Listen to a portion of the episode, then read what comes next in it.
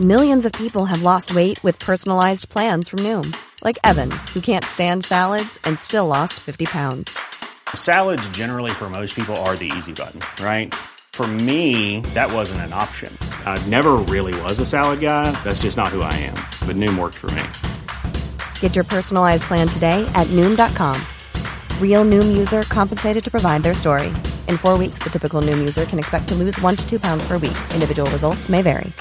This is Paige, the co-host of Giggly Squad, and I want to tell you about a company that I've been loving, Olive and June. Olive and June gives you everything that you need for a salon quality manicure in one box. And if you break it down, it really comes out to $2 a manicure, which is absolutely insane. It's also so easy to get salon worthy nails at home with Olive and June. The difference between how your nails used to look when you did them yourself and now with the Manny system is a complete game changer. The best thing about Olive and June too is it's a quick dry, dries in about one minute, lasts for five days, and full coverage in up to one to two coats. Visit oliveandjune.com slash perfect Manny 20 for 20% off your first system. That's oliveandjune.com slash perfect Manny 20 for 20% off your first system. Cool fact a crocodile can't stick out its tongue. Also, you can get health insurance for a month or just under a year in some states. United Healthcare short term insurance plans, underwritten by Golden Rule Insurance Company, offer flexible, budget friendly coverage for you. Learn more at uh1.com. Palmemordet special. Lisbeth Palme har avlidit. Sveriges statsminister Olof Palme är död. 90 000. Ja, det är mord på Sveavägen. Hörde de säger att det är Palme som är skjuten. Mordvapnet med säkerhet är en Smith Wesson, en revolver kaliber .357. Inte ett svar. Finns inte ett svar. För jag har inget och jag har inte mördat Varför skulle jag göra Polisen söker en man i 35 till 40-årsåldern med mörkt hår och lång mörk rock. Välkomna till det här extrainsatta avsnittet av podden Palmemordet som spelas in med anledning av att Olof Palmes fru Lisbeth avlidit. Det här meddelades via tidningarnas telegrambyrå den 18 oktober 2018, samma dag som det här avsnittet spelas in. I det här avsnittet kommer vi att sammanfatta Lisbets liv och gärning och självklart också titta på hennes roll vid händelserna den 28 februari 1986 och i utredningen som följde. Vi kommer att få en del tillbakablickar från tidigare avsnitt så antalet medverkande personer kommer att vara fler än vanligt. Men det blir jag, Tobias Henriksson på PRS Media och Dan Hörning som står för den största delen av avsnittet. Vi börjar avsnittet med den text som vi publicerade om Lisbeth på vår Facebook-sida facebook.com palmemordet strax efter att dödsbeskedet nått oss. Idag har vi nåtts av beskedet att Lisbeth Palme avlidit. Lisbeth förlorade sin make Olof när denne mördades den 28 februari 1986. Hon besköts även själv. Under åren har många frågor rests om Lisbeths vittnesmål eller roll i mordet. Några spekulativa, några konspiratoriska och några mer underbyggda. I det här sammanhanget är det viktigaste att hon faktiskt var såväl ett brottsoffer som efterlevande och vittne. Med stor integritet deltog hon i de olika skeendena i mordutredningen och många av oss hade säkert gärna sett att hon deltagit ännu mer.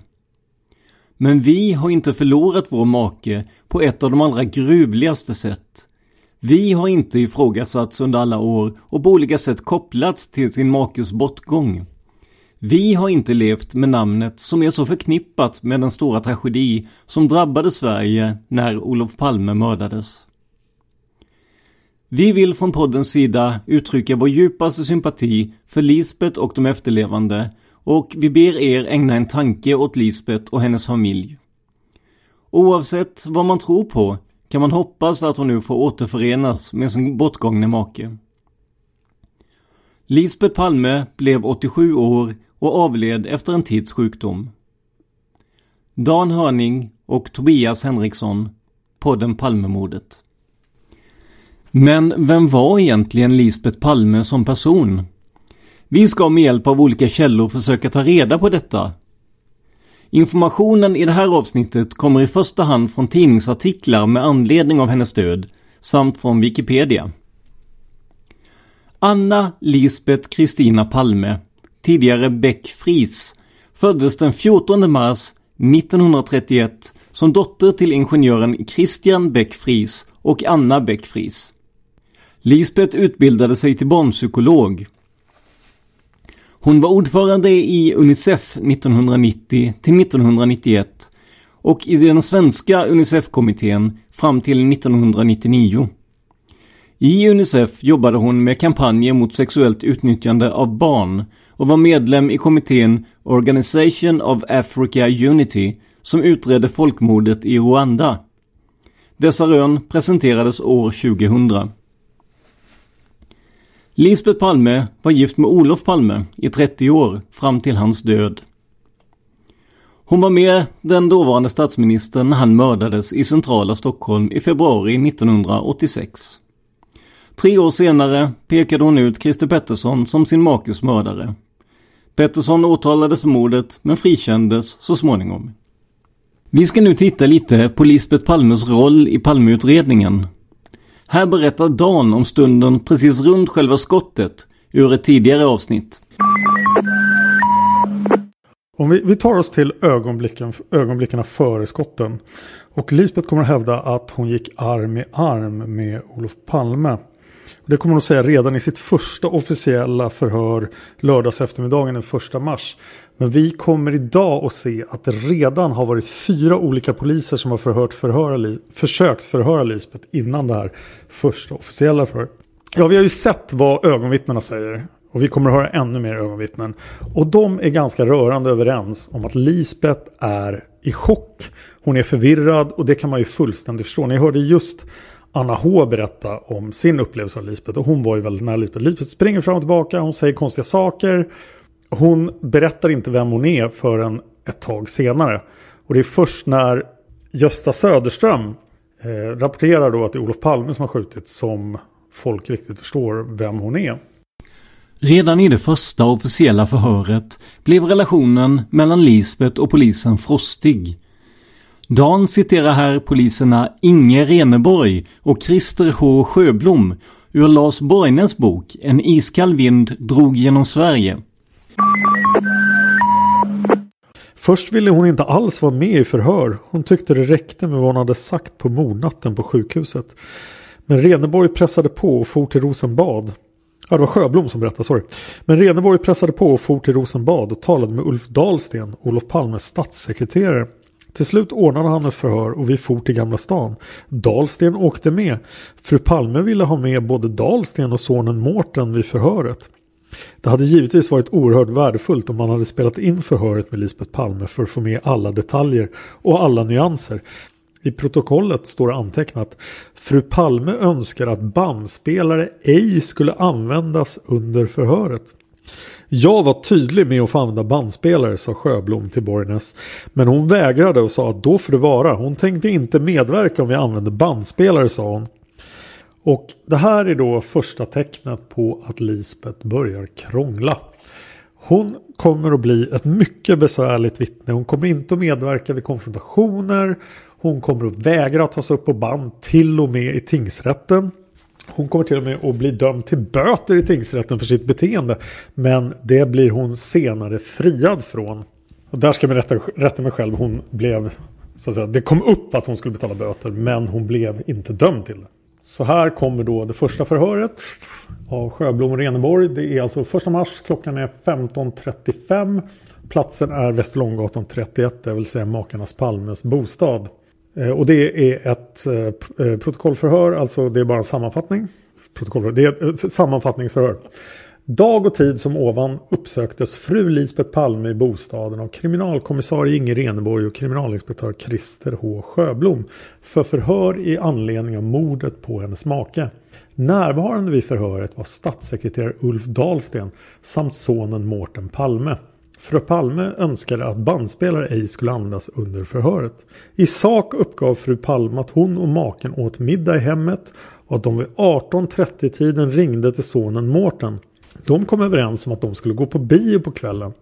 Från början var de osäkra på vilken film de skulle se. Men kom överens om att besöka biografen Grand på Sveavägen och där se föreställningen klockan 21. Makarna Palme gick hemifrån klockan 20.40. De gick Västerlånggatan och vidare Yxmedsgränd ner till Gamla stans T-banestation. Varifrån de åkte med tunnelbanan till Rådmansgatans T-banestation. På biografen sammanträffade de med Mårten och hans flickvän. De ställde sig i kön för att köpa biljetter och köpte också dessa i kassan. Makarna Palme fick biljetter i bänkrad 8 medan Mårten med flickvän kom att sitta snett bakom dem. I biografsalongen kände de igen TCO-ordföranden Björn Rosengren som de också hälsade på. I övrigt la inte fru Palme märke till någon annan person som hon kände igen på minsta sätt. Vare sig under resan eller vid biografen. Hon la inte heller märke till om någon person följde efter dem.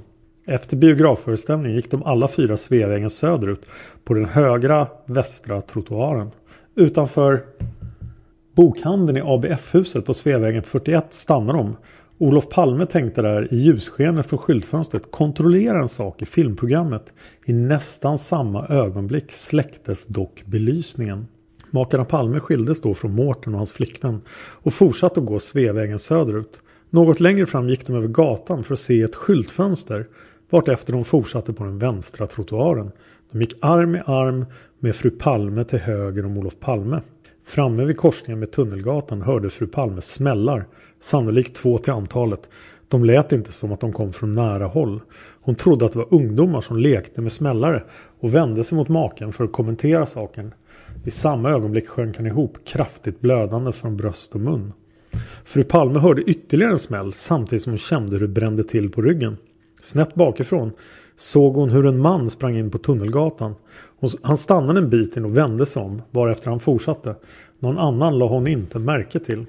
Hon skrek på hjälp och på kort tid samlades flera personer kring henne Olof Palme och försökte hjälpa till på olika sätt.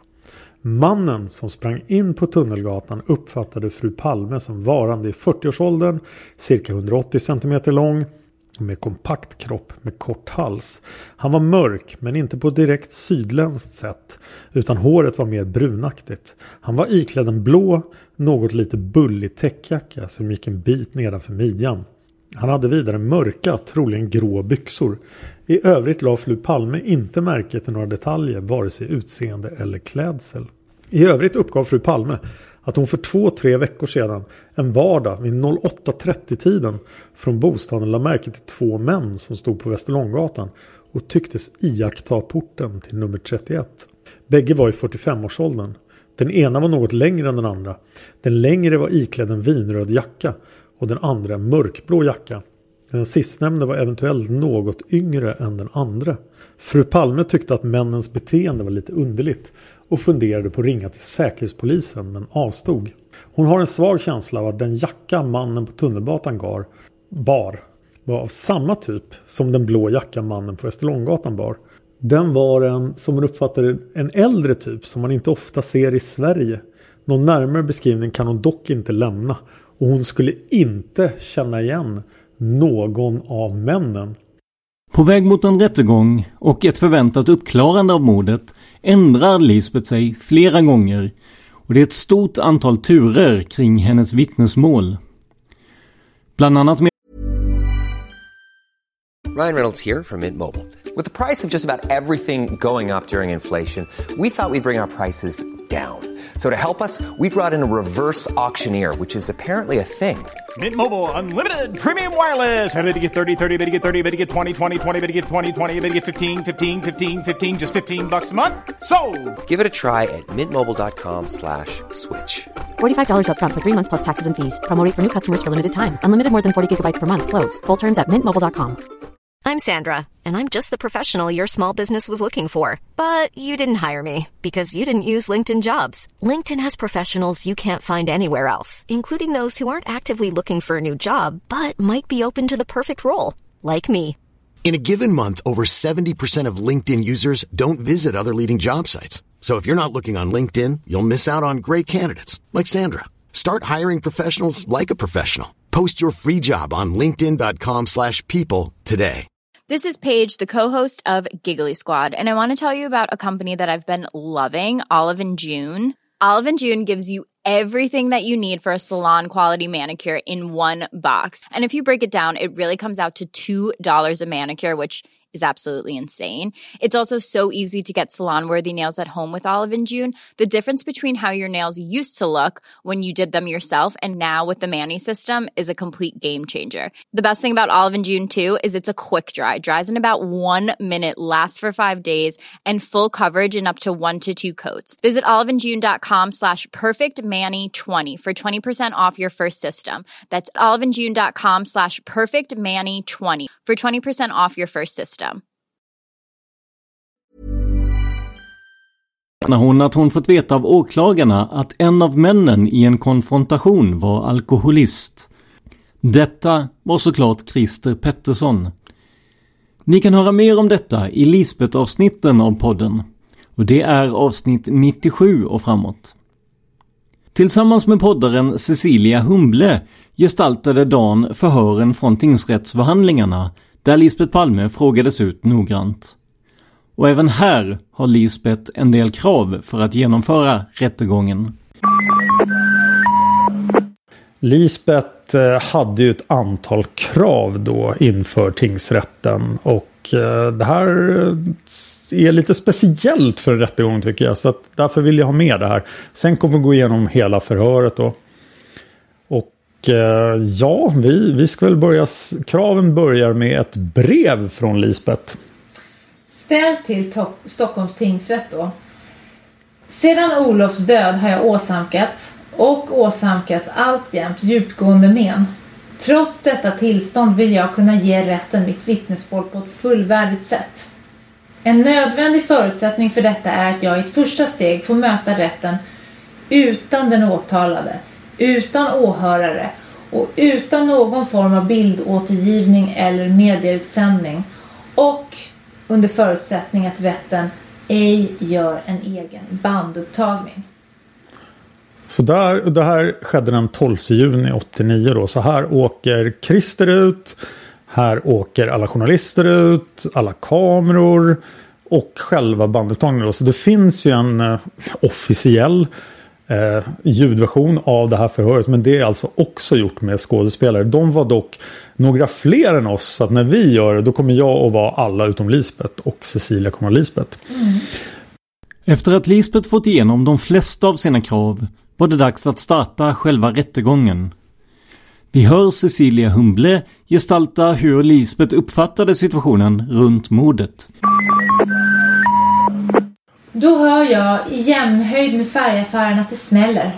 Jag rycker till och jag tror att jag vänder mig, förmodligen i 90 graders vinkel, mot Olof och säger under tiden som jag vänder mig något om att barnens smällare, att det är skrämmande på något sätt. Och i och med att jag vänder mig om mot honom noterar jag att det har hänt. Och samtidigt blir jag själv beskjuten. Utefter hela ryggen. Det är en mycket kort tidsrymd och jag ser att Olof sjunker ihop. Jag närmar mig för att försöka söka hjälp. Allt detta sker mycket fort. Jag kanske i detta sammanhang ska säga att jag är yrkesmässigt tränad till observation och att göra faktiska iakttagelser utan att göra analyser i första steget. Jag hade mycket skärpt uppmärksamhet då eftersom jag var mycket hotad. Jag visste inte själv hur skadad jag var eftersom Olof sjunker ner och jag själv är skjuten. Vad ser du?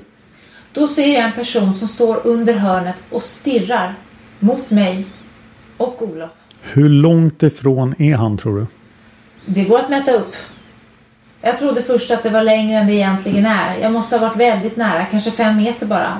Men det är närmare. Kan du beskriva den personen?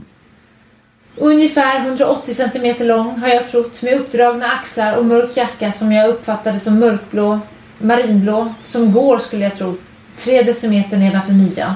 Jag uppfattade mörka byxor som jag inte uppfattade som jeans. Men det kan jag inte säkert säga. Ansiktet hade påfallande ljushet under näsan. Det var rektangulärt och med markerade kindsidor. Munnen gav ett rakt intryck. Det fanns nästan en vikning under den ljusa ytan under näsan, liksom framskjutet käkparti. Eller kanske snarare haka. Blicken var mycket stirrande. Den såg inte mörk ut egentligen utan ljus som jag uppfattade det. Ljuset följer på något sätt på den här platsen med, med, med skuggningar. Jag gjorde den bedömningen då att jag hade ingen hjälp att hämta. Jag uppfattade att skotten kom från längre håll men jag har förstått att det inte var så tekniskt.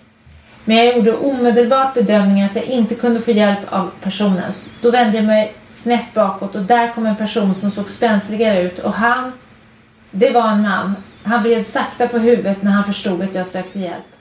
Som han avvisade den hjälpen. Sen såg jag inte honom mer. Kommer du ihåg mer om den personen? Klädsel eller så?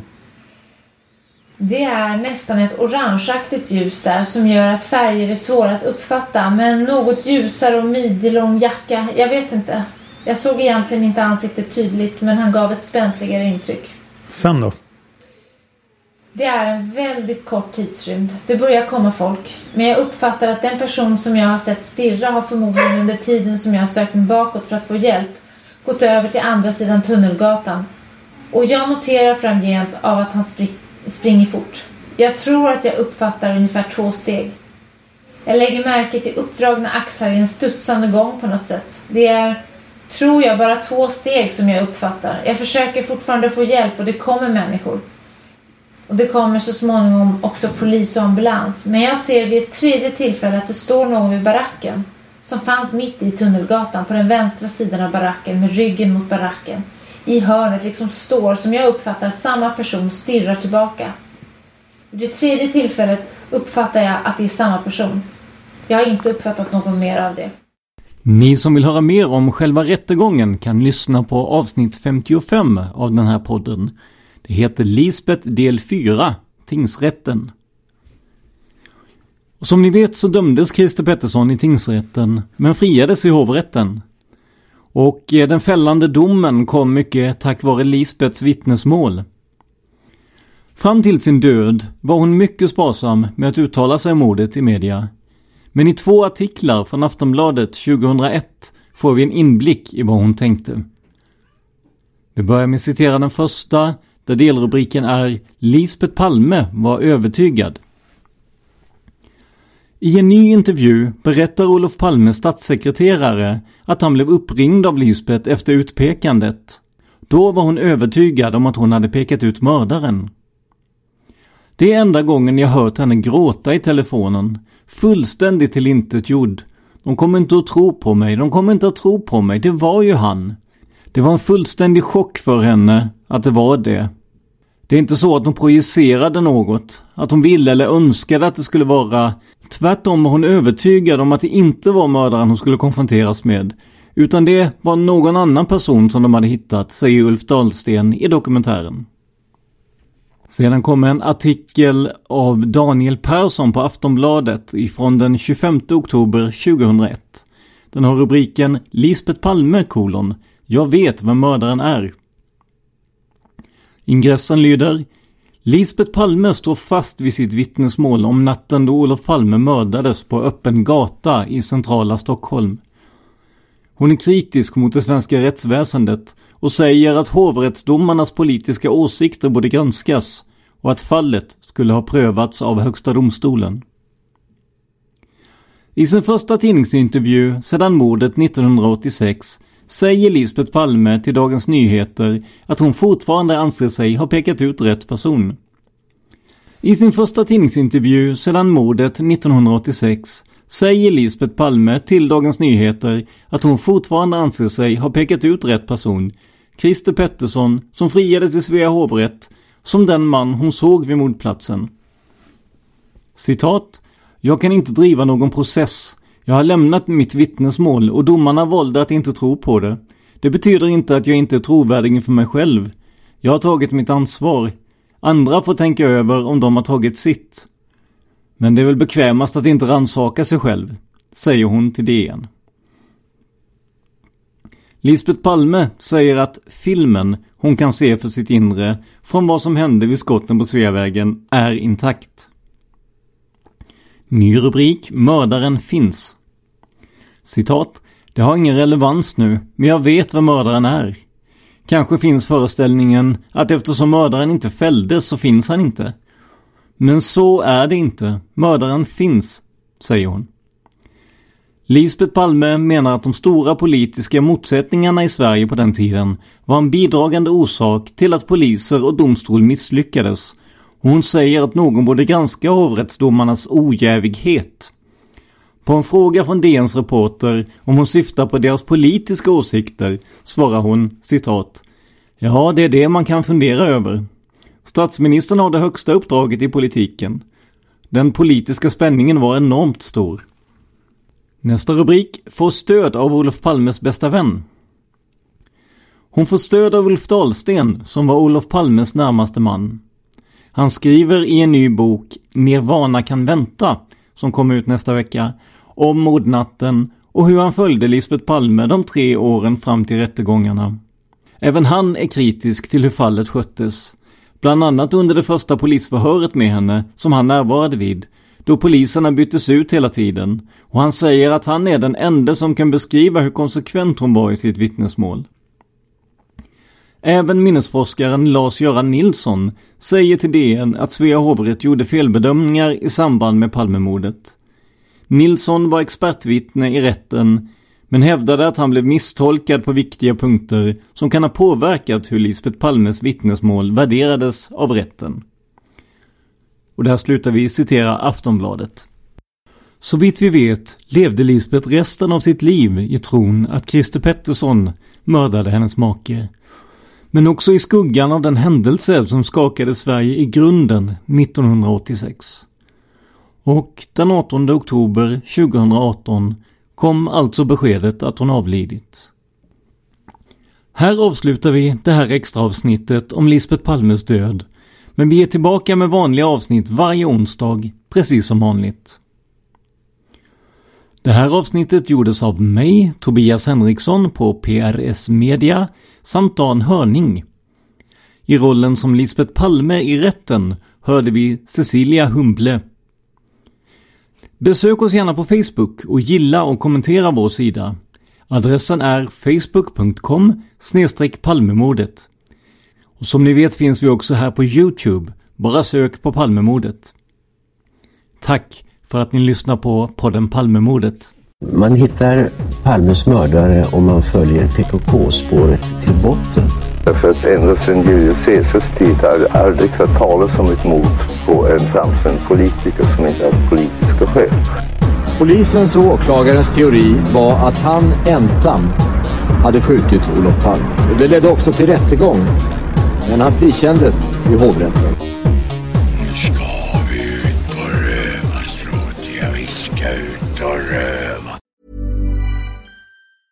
Hey, it's Danny Pellegrino from Everything Iconic. Ready to upgrade your style game without blowing your budget? Check out Quince. They've got all the good stuff, shirts and polos, activewear and fine leather goods, all at 50 to 80% less than other high-end brands. And the best part? They're all about safe, ethical, and responsible manufacturing. Get that luxury vibe without the luxury price tag. Hit up quince.com slash upgrade for free shipping and 365 day returns on your next order. That's quince.com slash upgrade. Hi, I'm Daniel, founder of Pretty Litter. Did you know cats tend to hide symptoms of sickness and pain? I learned this the hard way after losing my cat, Gingy. So I created Pretty Litter, a health monitoring litter that helps detect early signs of illness by changing colors, saving you money and potentially your cat's life. Pretty Litter is veterinarian developed, and it's the easiest way to keep tabs on your fur baby's health right at home. Go to prettylitter.com and use code ACAST for 20% off your first order and a free cat toy. Terms and conditions apply. See site for details. Planning for your next trip? Elevate your travel style with Quince. Quince has all the jet setting essentials you'll want for your next getaway, like European linen, premium luggage options, buttery soft Italian leather bags, and so much more. And is all priced at 50 to 80% less than similar brands. Plus, Quince only works with factories that use safe and ethical manufacturing practices. Pack your bags with high-quality essentials you'll be wearing for vacations to come with Quince. Go to quince.com slash pack for free shipping and 365-day returns.